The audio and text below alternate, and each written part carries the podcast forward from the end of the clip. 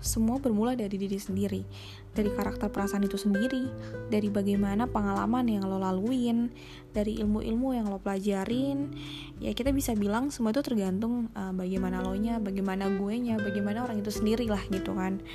Tentu semua orang tuh beda-beda ya tapi yang harus kita setujui manusia tuh nggak serta merta ada. Adam dan Hawa tuh bukan pencipta dari alam ini Adam dan Hawa adalah hasil dari yang menciptakannya.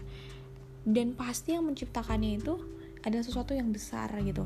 Sesuatu yang maha besar sesuatu yang maha luas sesuatu yang maha segala-galanya. Karena kemauan gitu.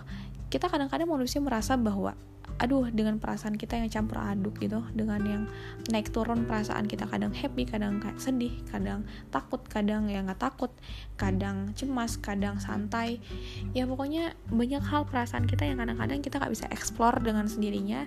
Yang kadang-kadang kita juga bahkan nggak tahu kok bisa sih tiba-tiba gue merasa kayak gini? Kok tiba-tiba gue bisa galau ya gitu kan? Dan itu tadi balik lagi ke sesuatu yang maha besar dan makanya gue tuh uh, setuju banget dengan kata-katanya Yasmin Mujahid gitu. Kayak gue sedikit tertampar juga dengan kata-kata ini bahwa kalau misalnya uh, bahkan daun yang jatuh aja ya ini dalam ayat ya dalam Al-Quran ya.